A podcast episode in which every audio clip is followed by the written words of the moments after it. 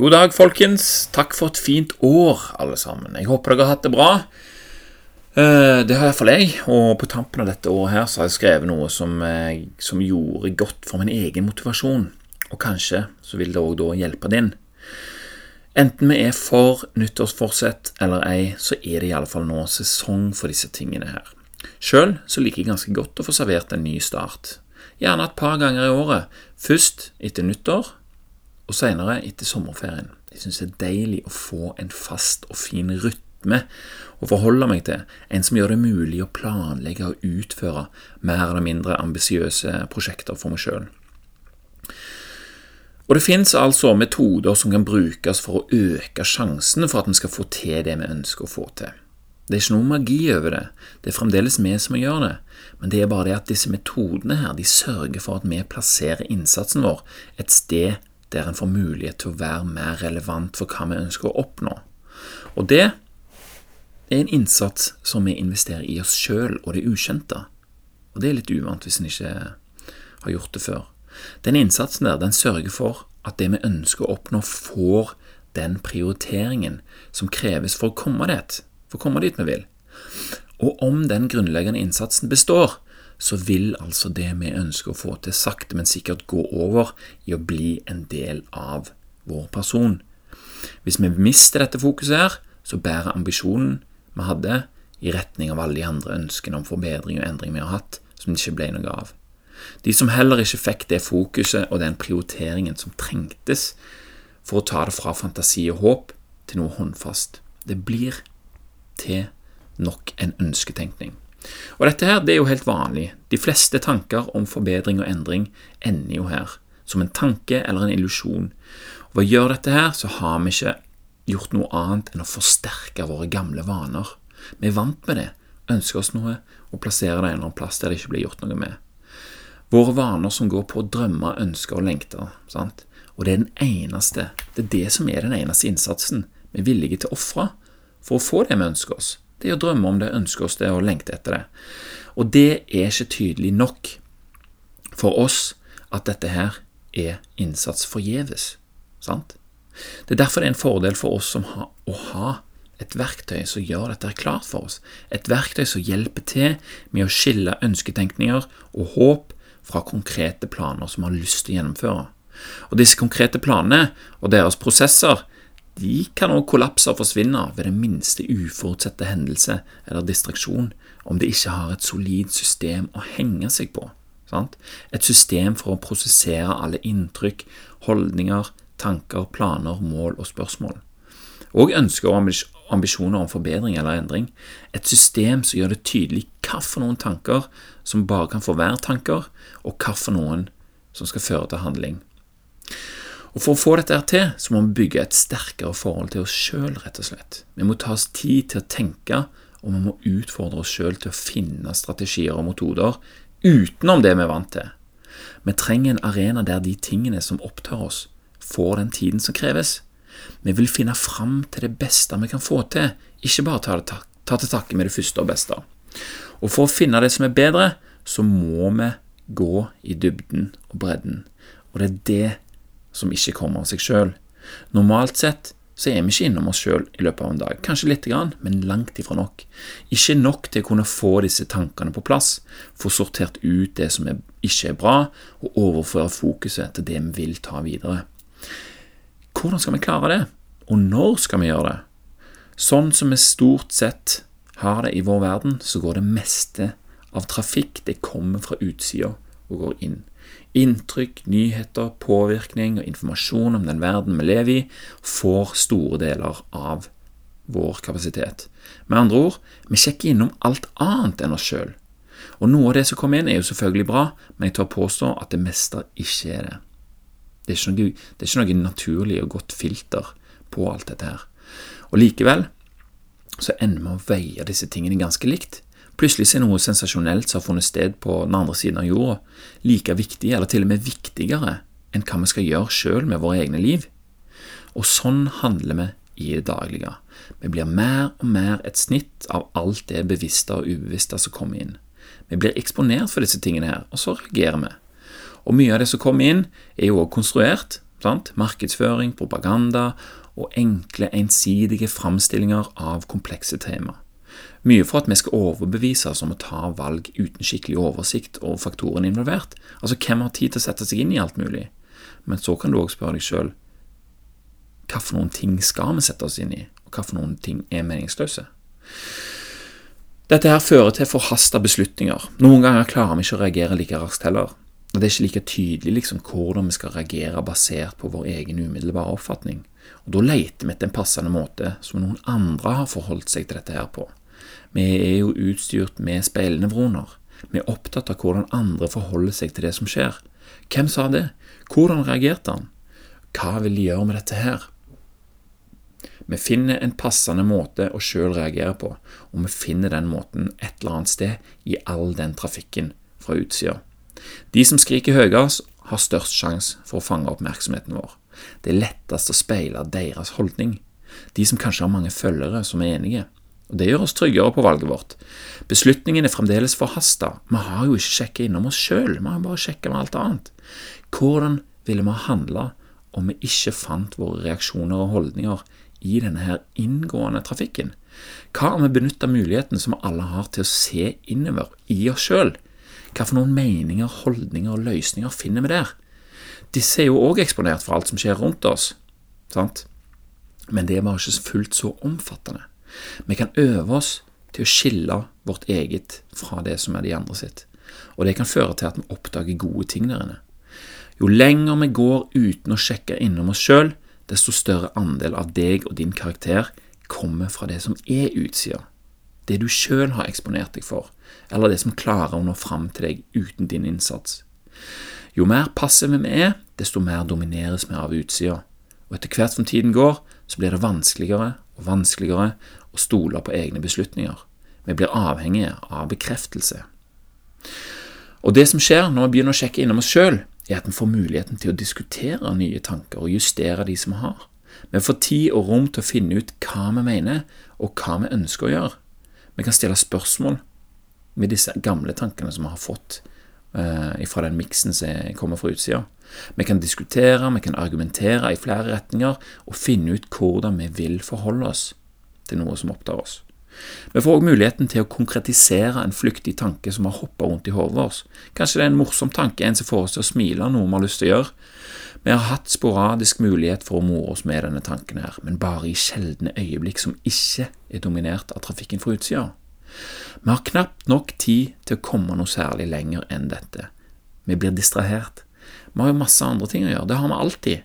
Vi hadde ikke planlagt å jobbe med denne tanken nå, den bare dukka opp, og i det denne korte tilstanden ble avbrutt av livets vante gang, så er den vekk.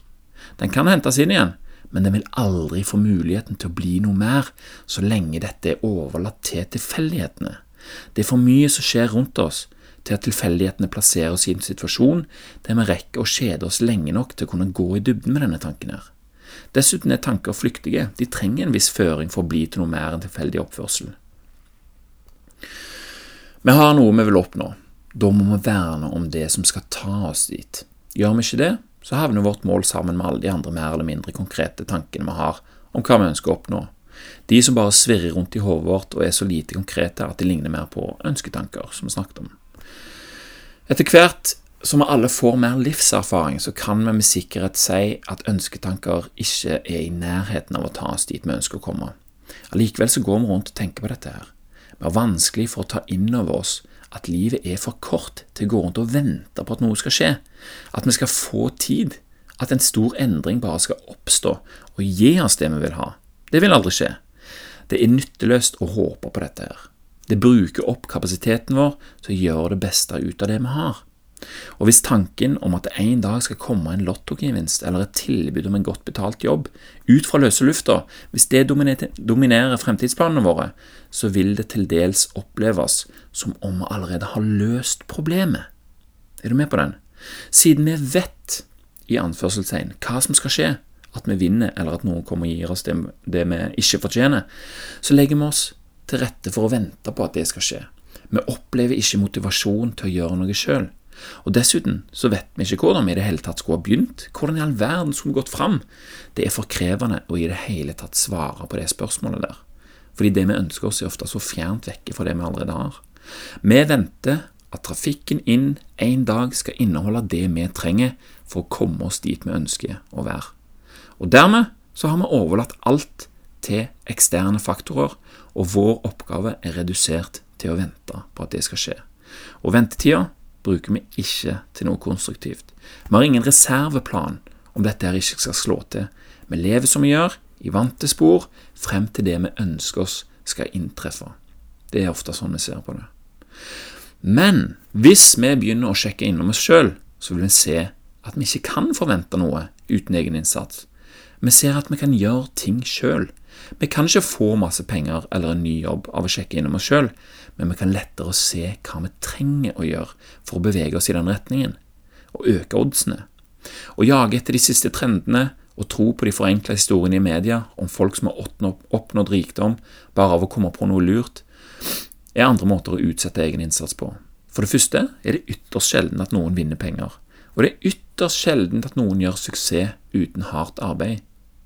Det er den forenkla og ensidige presentasjonen som gjør at vi tror at dette er vanlig, at det til stadighet skjer. Og hvis det til stadighet skjer, så kan vi òg forvente at det en dag skal skje med oss.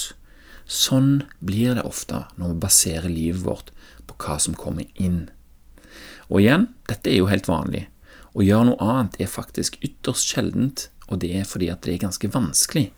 Å oppnå et bredt perspektiv av tingenes tilstand i forhold til oss sjøl er ikke en medfødt egenskap. Vi må trene oss opp for å få dette til. Vi er ikke født med denne måten å oppfatte verden på. Vi er født med kortsiktig tankegang. Vi griper sjansen når vi ser den. I naturen er det en fordel. Vi ser mat, vi tar det. Vi finner en ressurs, vi bruker den. Vi oppdager noe farlig, vi kommer oss vekk. Denne atferden kan vi se i alle verdens land og slekter den dag i dag. Vi er langt fra naturen sånn som vi lever nå. Vi oppdager stort sett det som spiller på våre sanser og våre følelser. Det er det som får oppmerksomheten vår. Og Dermed så går vi glipp av det store bildet. Det lønner seg å trene opp andre egenskaper som vi kan stole på. Egenskaper som skiller oss ut fra det andre gjør. Det er slik vi kan stikke oss fram, eller gjemme oss i mengden. Vi kan unngå middelmådigheten som preges av inngående trafikk. Vi kan gjøre oss uavhengige av andres syn på hva som er viktig for å oppnå den gleden og lykken vi ønsker oss sjøl. Den kommer ikke rekende på, på i fjøl, ser du. Den kommer av å gjøre det beste ut av det vi har, ikke av å ønske at vi skulle vært en annen plass. Istedenfor å prøve å ligne på det som vi har eh, på de som har oppnådd det vi anser som spennende, burde vi tilbringe mer tid på å prøve å bli kjent med oss sjøl, vår egen smak og våre egne ønsker.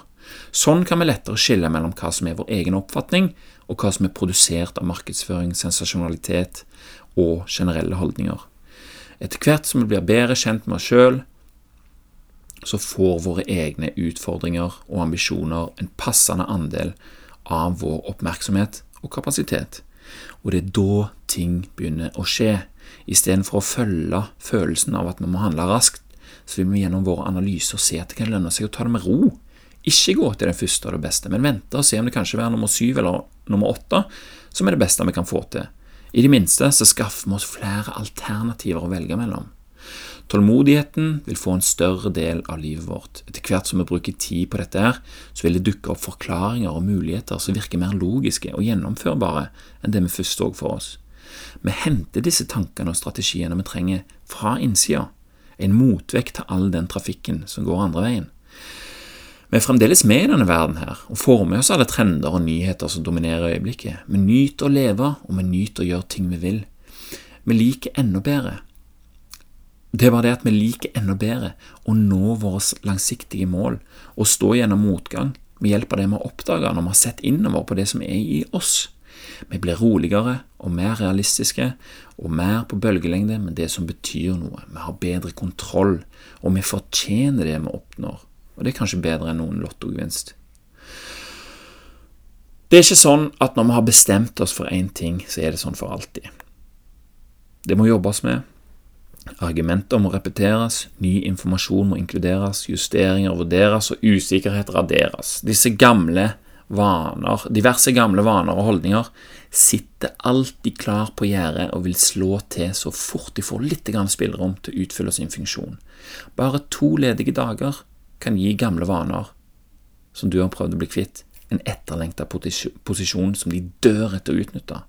Vi kan plutselig begynne å tenke på at vi, bør, eh, at vi har lyst til å kjøpe oss noe, eller gjøre noe kortsiktig som strider med vår langsiktige strategi. Og den langsiktige strategien, den er trygg og god, men ett svakt øyeblikk der vi ikke har vært innom oss sjøl, kombinert med kanskje en natt eller to med dårlig søvn, kan sende oss på ville veier som det vil ta lang tid å hente oss inn igjen fra. For meg så er dette verktøyet denne ramma rundt det som jeg ønsker å få til, det er morgensidene mine. Dagbok, rett og slett. Jeg leser det aldri, jeg bare skriver. Og hver gang jeg skriver, så avslutter jeg med, med å takke meg sjøl for, for, at jeg har gjort det, samtidig som jeg ønsker to personer jeg kjenner, en god dag. Genuint en god dag. Og de to tingene der, de små tingene, er eksempler på små vaner som er vanskelige å få til når de står alene. De lever derimot godt om de har et solid system å henge seg på, og det samme gjør morgenøvelsene som jeg alltid gjør før jeg setter i gang. Beveger på hofter og skuldre og pusting og alt det der.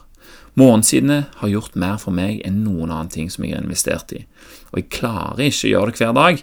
Noen ganger går det til og med en hel uke uten at jeg sjekker inn i meg sjøl, men da blir det så tydelig hva det er jeg har gått glipp av, og jeg husker med en gang hvorfor, hvorfor jeg har lagt så mye innsats i å få dette til.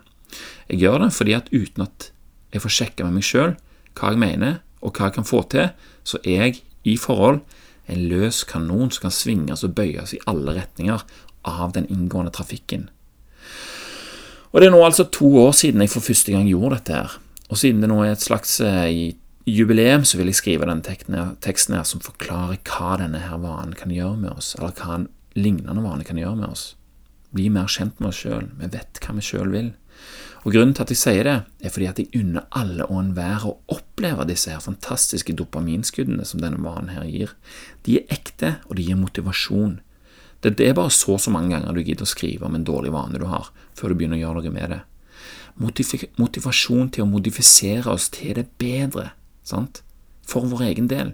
Det er vi som henter gevinsten av det òg. Og siden det skjer hver dag, så får ikke gamle vaner og inngående trafikk mulighet til å vippe oss av pinnen like lett. Det eneste vi trenger å gjøre, er å sette av tid til å gjøre det. Sette av tid til å gjøre dette her. Til å gjennomføre det som skal føre til noe ukjent.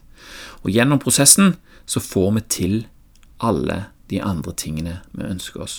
Lottogevinst, ønsketenkning, blir bytta ut med handling og en tanke om at vi litt og litt kan gjøre det om til store resultat. Og det som er enda bedre, er at vi finner ut at det starter med utgangspunktet vi i øyeblikket befinner oss i. Det er det som skal ta oss videre. Vi skal ikke hoppe til en annen plass og så begynne å leve livet vårt. Vi må begynne med det vi har. Og med det så vil jeg si takk for i år. Tusen takk for meg. Takk for nå, og takk til deg som hørte på. Jeg ønsker deg et fantastisk fint nytt år der din egen innsats vil føre til gode ting for deg sjøl. Godt nyttår! Vi snakkes snart.